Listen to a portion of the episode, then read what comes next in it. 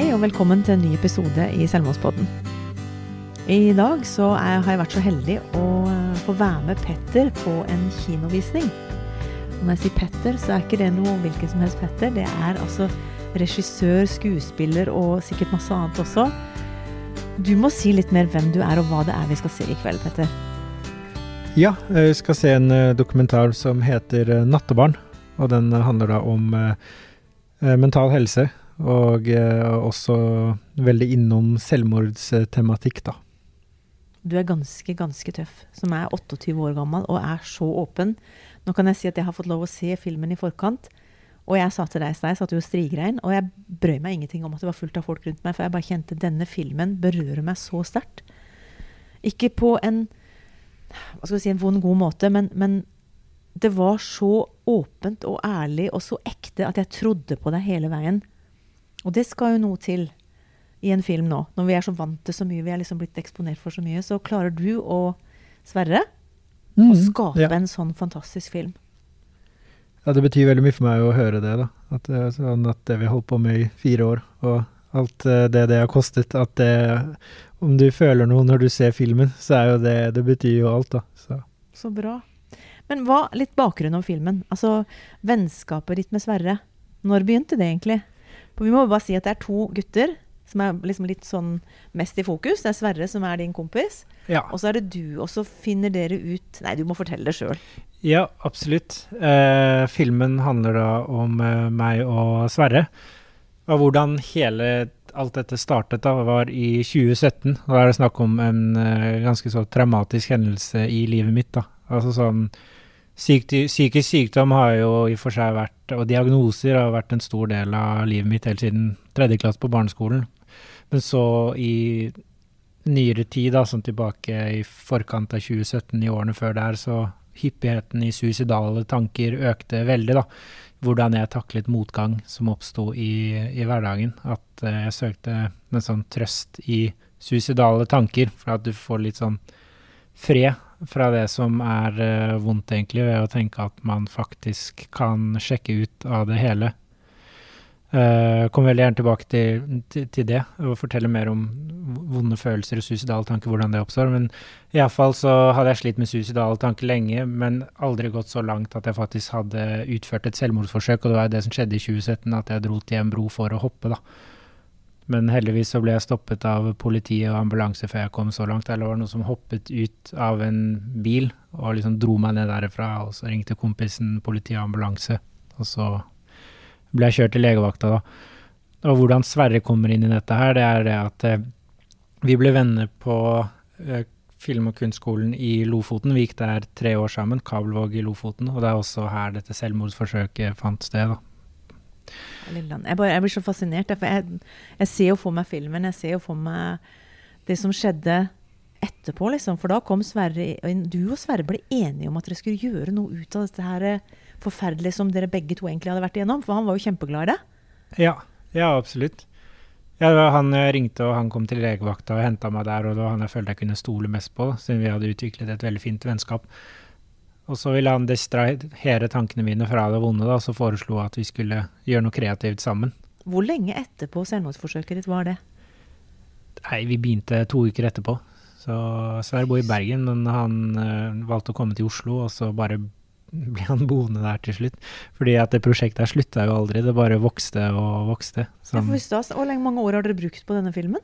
Fire år fire år. Men det, men så, det var snakk om en helg. Ble det, fire år, det var snakk om en helg, da. Vi hadde, bestilt, vi hadde bestilt en kamerarigg fra Kina til 300 kroner og skulle holde på en helg, liksom. Og så ender vi opp med å holde på i fire år. Men det var fordi det utviklet seg, da, at bare prosjektet balla balla på seg. Og så kunne vi liksom ikke stoppe fordi at det, det vokste, og at vi følte det Meningen med prosjektet vokste også, da. Det var jo bare ment som et filmeksperiment, eller at vi skulle lete etter fest ute på byen og filme folk sine følelser, eller litt sånn. Ja, for det var det dere snakka om i begynnelsen av filmen? Så det er autentisk opptak fra dette første hvor dere trodde at det skulle bare være en bitte ja. liten greie? Ja, absolutt. Og så, ja. Det er, så, det er så spennende å høre liksom, bak der åssen ting blir For verden er jo ikke sånn at du, du, vet hva som skjer i morgen. Nei, så det er veldig gøy at liksom, veien har blitt litt til mens vi går, da. Så er folk eh, stusser jo når de ser de fem første minuttene. Hva er det dette handler om? Skal de bare filme folk ute på byen, liksom? Men også når vi da møter Monica sånn ti minutter ut i filmen, tror jeg, og eh, vi skjønner at hun sliter med lignende problemer som meg, så gir det mening, da. Nå må vi ikke gi vekk hele filmen, da, for vi vil jo at, folk, at denne filmen skal rulle og gå. For den har vært på mange kinoer allerede. Ja, det har den. Og skal dere fortsette også vise den på flere Har Han den gått på kinoer? kino i tre uker nå? Ja, det tror jeg. Rundt der. Ja. Og, Og det er ikke eh, bare liksom sånne små bygdekinoer, det er jo liksom store kinosaler. Ja. Har du gjort sånn som vi skal her i kveld? Du har jo hatt allerede én visning nå i Grimstad, og så skal vi ha en til i kveld. Og så etterpå så har du Q&A, som du sier at da kan folk stille spørsmål til deg. ja. På noen av disse visningene. Ikke alle. Nei, så, sånn har vi gjort uh, mye nå. Sånn har vi sikkert vært på, deltatt på ti stykker uh, foreløpig iallfall. Så Eller, det er ikke rart å si man har fire kopper kaffe i dag. For å, Nei da. det er ganske Det er tøft gjort. Og som du sier, at det, det, filmen handler jo veldig mye om deg. Og det Ja. må jo ha vært ganske Var det ikke noen ganger hvor du bare sa at nå holder det, altså? Dette her gidder jeg ikke. Kom du der noen gang at det bare Ja. Dette blir altfor nært? Altså, det, er, det er veldig krevende å lage film om seg selv, da, fordi at uh, når man har en jobb, da, så er det ofte deilig å distrahere de vonde følelsene, eller å gjøre noe som får deg til å føle deg frisk. Sånn at uh, det er bra å gå i behandling eller ta tak i følelsene sine, men å velte seg rundt i det for mye, og hver dag fokusere på hvor skitt man har det, det tror jeg er negativt. Da. Jeg tror at du burde finne andre aktiviteter som distraherer deg, og som du liker å gjøre. Og jeg liker å lage dokumentarfilm, men så lager du dokumentar om dine egne mentale lidelser, og hver dag så velter du deg rundt i det i fire år. Du beit deg sjøl i halen litt der. Ja, veldig, fordi at du blir så emosjonelt utmattet av det å aldri få pause, liksom. Det er bare Ja, jeg har mine problemer, i jobben er det mine problemer, altså sånn. Men Peter, nå er du nesten litt sånn kjendis. Det er veldig mange som vet hvem du er, og du har vært på kino og alt mulig sånn. De fleste kjendiser de driver jo og tar sånn Hva heter det for noe sånn filter på seg sjøl. De passer på at de er supersminka og styla på alle ting. Og du har egentlig gjort det helt motsatte. Du har liksom sagt 'Vi må filme nå, for nå, nå er det helt forferdelig her'. Du har liksom Jeg vet ikke. Er du litt sånn Hørtes ut som kjerringa mot strømmen hvis du vet hva det ordet betyr for noe? At du gjør det motsatt av det andre gjør. De viser fram den beste sida. Og du har på en måte turt å vise fram den verste, de verste tinga i livet ditt. Jeg vet ikke, altså Det ble ikke et ordentlig spørsmål ut av det. Nå må jeg bare prøve meg på at Kanskje eh, hvordan, hvordan det oppleves, liksom, å skulle gjøre det, da. Veldig fint at du redda meg der. Ja. Eh, nei, altså det Man får jo en på en måte en kjendisstatus rundt dette her, og rundt sine mentale lidelser, da. At eh, altså sånn min oppmerksomhet er knyttet også til det at jeg sliter eh, psykisk. Og eh, det er jo kanskje hakket verre å forholde seg til den oppmerksomheten enn hvis man er eh, en sangstjerne eller en profesjonell danser, eller Jeg tror du er mer sårbar da, når Mm. du går ut med din historie som er så personlig, og som handler om også så mye svak Altså Man skal ikke nødvendigvis kalle psykisk lidelse for svakheter, men det er jævla sårbart da, Mm. å snakke om sine psykiske lidelser offentlig. Fordi Mm. det er fortsatt mye stigma rundt det. og man er redd for hvordan folk reagerer, og man er redd for hvordan folk skal oppfatte deg, og at eh, sånn på den filmen de ser, da, at dette at, at jeg er kun en som sliter, fordi at man føler at man er så mye mer enn det, på en måte. Det var en del av meg, mine psykiske lidelser, men så er det mye annet òg. Ja, og når du sier mye annet, så tenker jeg du er utdanna filmregissør, egentlig. Er det, er det, hva Ja, er tittelen ja. på det du og Sverre Ja. har samme utdannelse? Ja, det bevegelige bilder eh, kalles det for, men det er, eh, det er liksom fokus på å utvikle sin egen stemme innenfor kunsten, da, så det er ganske åpent studie, men det er fint, for man kan ja, alt fra kunst til installasjon til dokumentar til fiksjon, man kan, ja, så det er eh, regi da. Men det skal jo litt til for å bryte gjennom. Altså Nå er vi ikke Hollywood ennå, men dere har jo kommet ganske langt i Norge. Så hvem er det dere har samarbeida med, eller hvem er det som på en måte har Hvordan fikk dere det til? Å lage, vel, det er en ting å lage denne filmen, men har dere samarbeidspartnere Ja, har ja, absolutt. Så sånn det skjedde da, var jo at eh, vi var ferdig på filmskolen, og vi var veldig hissige på å få noe gjort når vi var ferdig med en utdannelse. Og eh, vi begynte på egen hånd. Vi hadde bare et kjempebillig kamera som vi hev oss rundt og begynte å bruke. Og så samlet vi 100 timer med materiale, og så begynte vi å klippe på soverommet hjemme hos foreldrene mine. Det er mye jobb. Ja, og vi begynte å klippe for å se hvilken retning dette gikk, men det var jo bare meg og Sverre. Vi hadde ikke noen samarbeidspartnere det første året. Så det var jo fint liksom at vi kunne eh, finne de som er med i filmen, og finne fokus og finne hvordan type prosjekt vi ville lage før vi pitchet det til et produksjonsselskap. Så Så da tok Som- det ett år med sånn jobbing, og så hadde dere på en måte en liten en smakebit til de, som dere kunne pitche videre? Ja, hos Indiefilm. Ja. Så det er de som er eh, produsentene våre, så det er det som er produksjonsselskapet. Og det er, eh, det er jo Indiefilm som har fått dette til å skje, da. Sånn, med kinolansering og, og det hele. Vi har samarbeidet med dem i tre år, og så var vi bare ett år egenhånd først.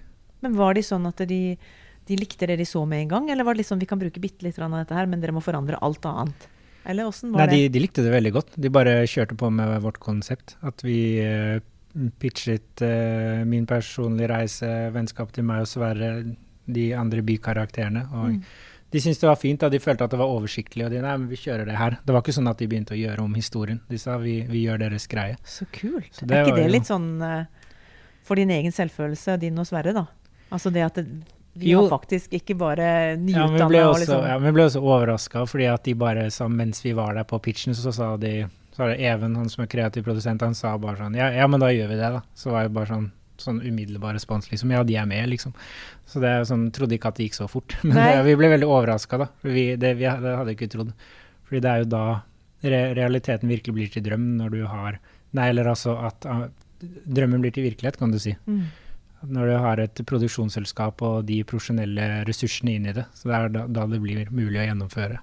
Altså, du må jo ha folk rundt deg, men jeg, jeg, synes, jeg er så imponert. Jeg, at det sier jo litt om den kvaliteten av det dere lagde sjøl. Dette året med blod, svette og Ja, tårer. det betydde så mye for oss at, at de kunne se det. At, de, at det gikk inn emosjonelt hos dem. At de hadde tro på prosjektet fra første stund. For det var vanskelig å vite det, Vi hadde holdt på en stund, men det var vanskelig å vite hva det skulle bli til enda. Men det, vi, vi trengte noen som trodde på oss, da. Så det var alfa og omega.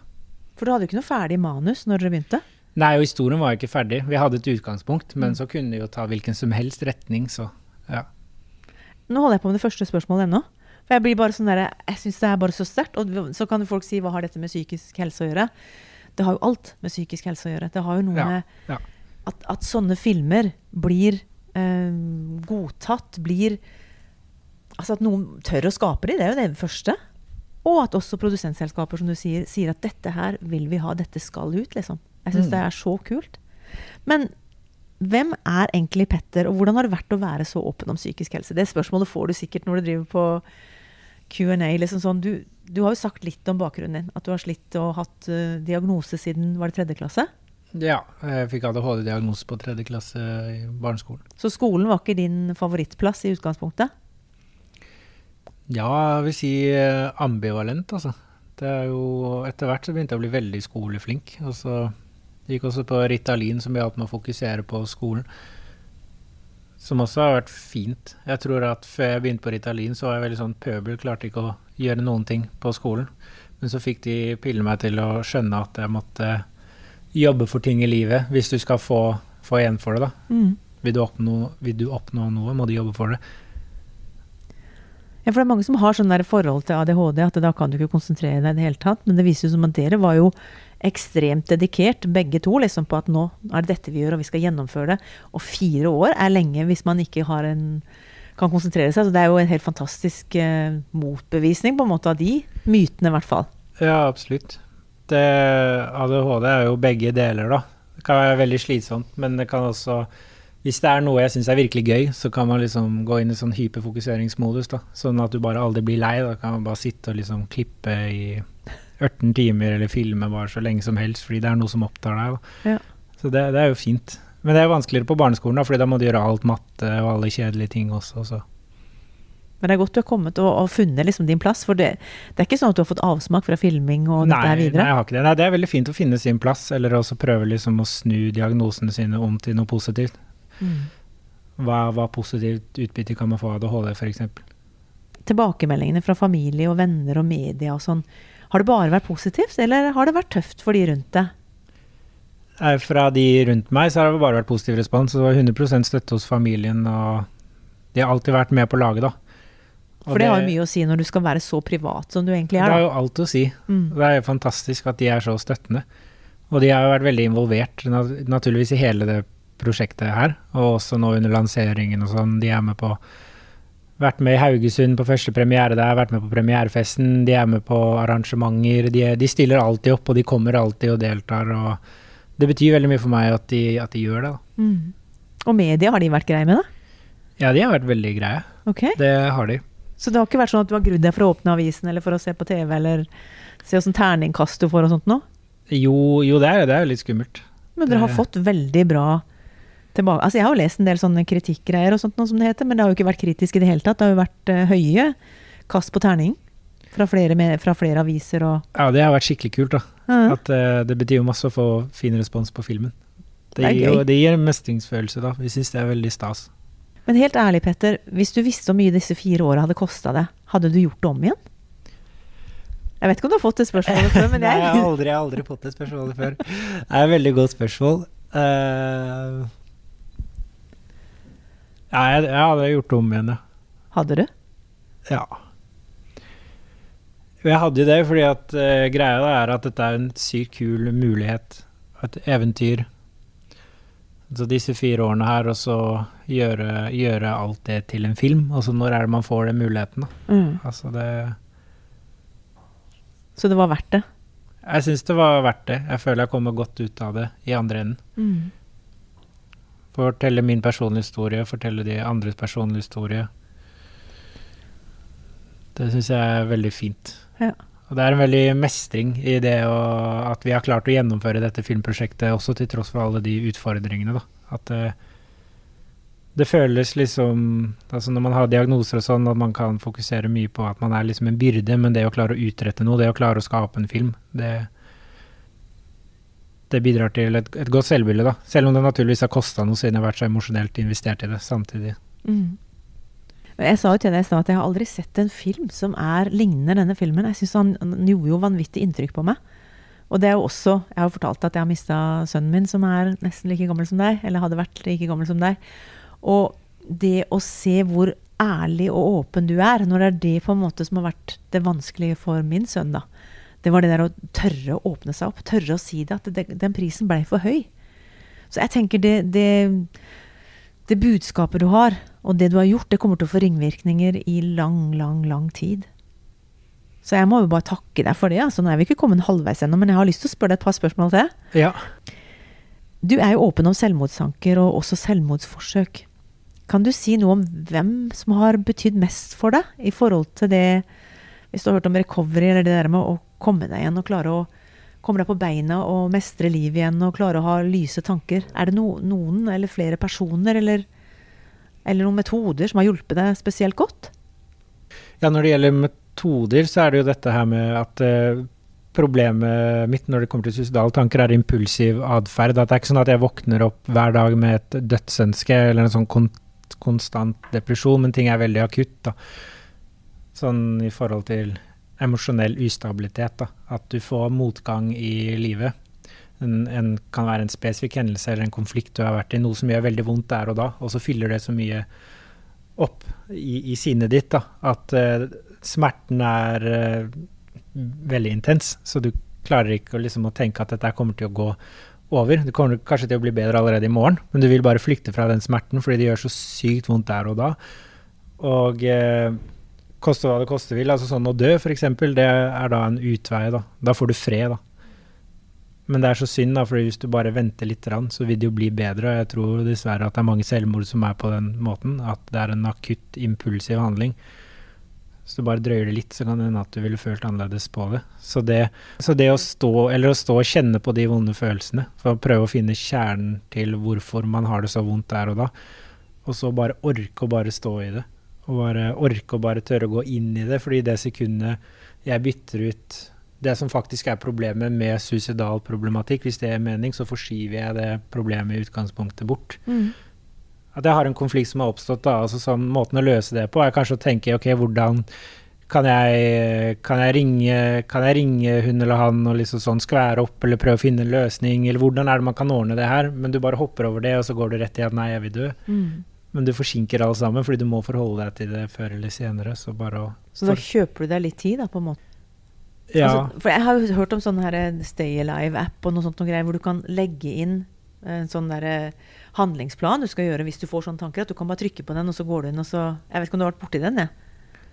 Jo, det prøvde jeg en gang. Jeg satte meg ned og så, så på Netflix istedenfor. Det funka skikkelig bra. Så sånn, Jeg ble bare så opptatt av det som skjedde i serien, og så bare glemte jeg at jeg var suicidal. Så det Ikke var, sant? Ja, du kan kjempe- le av det, men jeg Jo, tenker men det hvis det funker Jo, men det er jo litt sånn trist at det er så banalt, da. At det er bare sånn distrahere tankene sine, og så går det over, da. Altså, Mm. Det er så sykt akutt, da. Så gi det tre timer, og så kan det føles helt annerledes, liksom. Mm. Å skulle handle på selvmord pga. en sånn akutt følelse er jo bare kjempetrist, da. Vet du, det Ja, jeg har liksom frysninger når du snakker, for jeg tenker at uh, to tredjedeler er jo menn, og de er unge menn. Det er liksom den største dødsårsaken i, i, i Norge på, på unge menn. Og det er liksom det der at, at du tør å være en stemme. Jeg blir bare, nå skal ikke jeg prøve å begynne, skal ikke begynne å grine nå, da. Vi skal jo ha en samtale foran masse folk etterpå. Men, men det betyr så mye for meg at du forteller litt om hvordan du har det, og også hva kan det være så enkelt at man vet at hvis jeg bare får tankene over på noe annet, hvis jeg bare distraherer meg så lenge nok til at jeg får litt plass til noe annet enn dødsønsket, så kan det redde livet ditt? Ja, for, for meg så er det jo sånn. Nå er det jo eh, sikkert eh, folk som har som, uh, hvor, hvor de har suicidale tanker som utarter seg på en annen måte, eller hvor det er mer konstant, da. Hvor det liksom hver dag man er nede. Det er jo litt annet, men allikevel så tror jeg, jeg tror det er mange som føler på den impulsiviteten. Kan jeg spørre deg i spørsmål om gutter? Ja. Jeg sa i stad to tredjedeler av de som tar livet sitt, er jo gutter. Eller menn. Har du noen mening om hvorfor det er sånn? At det er flere gutter og menn enn jenter? Ja, absolutt. Jeg, jeg tror det har litt med et sånt macho-ideal å gjøre. At eh, menn er opptatt av en sånn fasade, eller at man skal være sterk, stå opp for seg selv og eh, kanskje være en beskytter overfor kvinnen da, i, et, i et forhold, f.eks. At man skal være den liksom sterke parten, da, på en måte. Maskuline parten. Å være- å- å slite psykisk er ikke sikkert at folk eh, forbinder med noe maskulint. da. Så er det et tegn på Det er ting, på en jeg, måte dette er ting jeg har følt på selv. At jeg skammer meg over det at å være mann og slite psykisk, det henger ikke, det henger ikke så bra sammen. Fordi at menn skal være så sterke.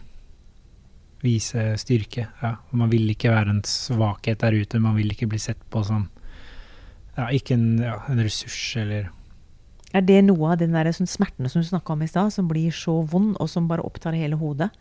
Det at ikke du lykkes til noe, at du på en måte feiler litt som mann, eller Ja, det, det vil jeg jo si. Ja, for, ja, absolutt.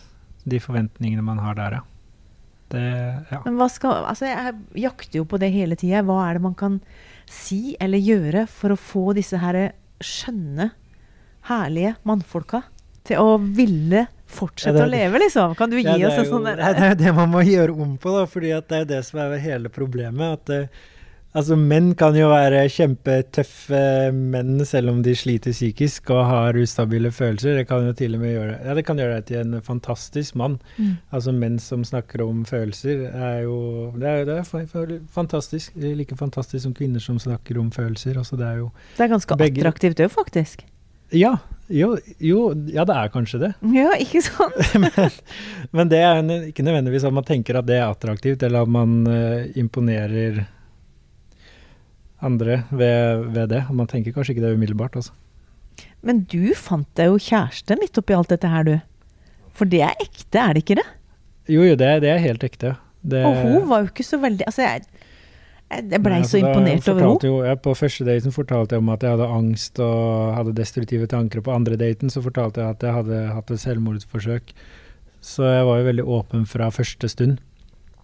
Og Men det det virka som det var ikke det hun så. På en måte, når hun så på deg, så var det Nei. OK, de er en del av det, men Ja, det, det, virker jo også, eller det hun har sagt, er at hun syns det er fint at vi kunne snakke om følelser, eller at hun hadde en sånn emosjonell tilgang til meg, da. At ikke det var en fasade der, men at hun kom liksom inn til kjernen. At hun syntes det var veldig befriende, at hun slapp å gjette seg til hva som var greia, men at man kan møte hverandre på følelsesmessig plan, og at også det bringer en nærmere, da. At man går inn mindre rundt grøten, Jeg liksom Mm. bare fortelle det som det er. Så du er litt sånn du at du bare drar av liksom plasteret med en gang? Ja, ikke nødvendigvis. Det er jo, jeg gjorde jo det da, men det kan, det kan jo Ikke være alltid? Nei, det kan variere litt, ja. ja. Sant? Jeg kjenner meg igjen i det. Ja, det kan være litt skummelt av og til. Altså, for det er så, hvis hun, å fortelle alt om deg selv med en gang altså man kan jo, Miriam tok jo det veldig bra da, på andre daten, fortelle om det, men det er jo litt skummelt òg, da. Når de ikke kjenner deg, så sier du at du prøvde å ta livet ditt. altså Man kan bli litt skremt, kanskje. Men hun blei ikke skremt. Nei, hun ble ikke det, altså. At det var så ekte, på en måte. Følte jeg mye av den, den måten hun takla det på. tenkte jeg, Tenk å ha en sånn en Miriam i livet sitt, om det er kjæresten din eller hvem det er. Men noen som bare OK, så fint at du er så åpen om det, liksom. Ja. Skal, vi, skal vi ha en øl til, eller skal vi, skal vi Ja. gå ut på kino i Ja. morgen òg? Altså sånn jeg, jeg lurer litt på hva som ligger bak hos henne. jeg. På det er så fint. eh, hvordan blei hun sånn at hun turte å, å ikke bli skuggredd når noen snakker så åpent om eh, Nei, Det virker som at hun aldri har vært det. Altså, det virker som Når jeg sa til henne, så var det liksom mest naturlig Hun syntes det naturligvis var trist å høre at jeg hadde hatt et selvmordsforsøk, men det var ikke noe at hun ble satt ut. Mm. Det virka som at det faktisk bringte oss nærmere hverandre. At hun satte pris på det. Det var, det var mer positivt enn negativt at jeg delte. Mye mer. Og nå skal ikke vi ta alle poengene fra hele filmen, for vi må, vil jo at folk skal høre filmen. og litt Ja, sånn, Så vi skal ikke si hvordan ting går og hva som veldig, skjer. Men det er jo sånn Det er reaksjonen til Miriam der, da. Det kan man liksom ta ut i, i samfunnet. da, At selv om jeg tenkte at part, en partner vil ikke synes det er tiltrekkende å åpne opp om sine psykiske problemer, eller hva det nå skulle være, men, men det kan være fint, altså. Så, men jeg trengte liksom den, litt den bekreftelsen fra Miriam da, for å skjønne at det er greit. Nå sitter du foran mange, og du er også en type influenser i og med at du er en både skuespiller, regissør og det som folk drømmer om et helt liv. liksom Du sitter her 28 år. Har du noe du har lyst til å bare si til folk sjøl, sånn helt på slutten av intervjuet her? Til spesielt kanskje ungdom? Ja, ja, absolutt. Og det, det handler om budskapet i filmen vår. Altså, vi, altså, man trenger jo ikke å slite psykisk for å ha en mental helse. Alle har en mental eh, helse. Og at uh, bare tror det er veldig bra å snakke om uh, følelser med noe man stoler på, med en god venn eller med familiemedlem. At uh, det er det vi ønsker med denne filmen, å oppfordre folk til åpenhet. da. Fordi at det er så fint uh, å få liksom nye perspektiver når man deler et problem. Og kanskje et problem kan vokse i sitt eget hode, men så legger man det fram, og så ser det ikke så mørkt ut. da, når Man får noen andre til å titte på det. Så Det har du veldig troverdighet på, for det er akkurat dette du har gjort. Så det at du har våga, det er noe av det modigste jeg har sett på lerret, for å si det sånn. ja, tusen takk for det. Altså. Det er utrolig hyggelig å høre. Men helt til slutt, Ja. nå er filmen ferdig. Dere er på turné og alt mulig sånn, men er det sånn noe av deg som sier nå skal vi fortsette, nå skal vi gjøre noe nytt? Hva, hva skjer etterpå dette her? Med deg og med Sverre og med alt mulig? Ja, både jeg og Sverre vi skal lage mer film. Skal dere? ja, vi skal fortsette å lage bra. Jeg kjøper billett med en gang. Ja, men Det er bra, da. Det er jo dokumentar, da, så det er ferdig om fire-fem år. Ja, Så det er bare ja, å ja. spørre seg med tålmodighet. Jeg kan bare vippse. ja, så det, men det, ja. Men hva blir den om? Kan du si noe om det, eller er det helt hemmelig? Jeg har et par ideer hva det skal være, sånn veldig sånn i utviklingsfasen, da. Så jeg har ikke Må ikke å du si mer enn det du får lov å si? Ja. Nei, så jeg har ikke begynt å filme enda. Og, eh, så jeg skal uh, i gang med mitt eget prosjekt, og så skal Sverre i gang med sitt eget prosjekt. Vi skal jobbe hver for oss, da. Og setter det sammen til slutt, eller skal dere liksom Nei, vi skal jobbe hver for oss. Vi skal, Ja. ikke, vi skal ikke fortsette å samarbeide. Det har vært et eh, helt uh, unikt uh, samarbeid, da. Og det har også vært utfordringer også. Vi er fortsatt venner i dag, og vi har kommet godt ut av det i andre enden. Med både få en film og beholde vennskapet. Og at Mm. vi, vi er stolte av å ha klart å lage dette sammen, da. Det har vært utrolig fint. Men det er klart det at å lage så, prosjekt, et så personlig prosjekt over fire år, det, det koster mye, og at det skal være deilig med en sånn litt frisk pust i bakken, da. mm. At ikke vi begir oss ut på et nytt prosjekt sammen nå, men jeg og Sverre vi kan fortsatt, eller vi har fortsatt lyst til å hjelpe på hverandres prosjekter. Om det er noe vi kan gjøre, om vi kan hjelpe hverandre med å filme eller sånne type ting, men at vi har hver vår idé da, og hvert vårt prosjekt. da. Hvis noen har lyst til å finne ut litt mer om deg og hva du gjør for noe videre, og følge deg på den reisen, hvor er det de kan finne deg hen da? altså på Er du på Facebook eller Nei, på Insta? ja, Instagram, Ja, hva heter det for noe, liksom? Det er bare å følge, følge meg på Instagram. Petter Aaberg. Petter Aaberg med to a-er, eller Jeg er to, to a-er i Aaberg. Aaberg? Ja. Og da er du både på Facebook og Insta? Ja. TikTok? Eh, på TikTok så heter vi Nattebarn. Oh. Vet du hva? Nå er, skal snart filmen til å rulle her, så vi må avslutte. Men tusen hjertelig takk skal du ha, Petter, for at du ble med i Selvmordspodden i denne episoden. Ja, tusen takk for at jeg fikk være med også. Og du har lykke til videre. Takk for det. Til slutt har vi lyst til å fortelle deg hvor du kan få hjelp. Hvis du trenger akutt hjelp, må du ringe 113. Ellers kan du ringe Kirkens SOS, som er en døgnåpen krisetelefon. Du kan ringe Mental Helse, de er også døgnåpen. Og Leve kan du kontakte på nettet med leve.no. Det er en landsforening for etterlatte ved selvmord. Du kan også kontakte legevakten hvis det er akutt, på 116 117. Det er noe som heter Kors på halsen, som er Røde Kors sin uh, tjeneste. Det er en lavterskel samtaletelefon for barn og unge under 18. Så er det også stiftelsen Elpis, som gir mange ressurser og opplysning om selvmordsforebygging og de arbeider for at selvmordsnære og deres pårørende skal få den hjelpen de trenger.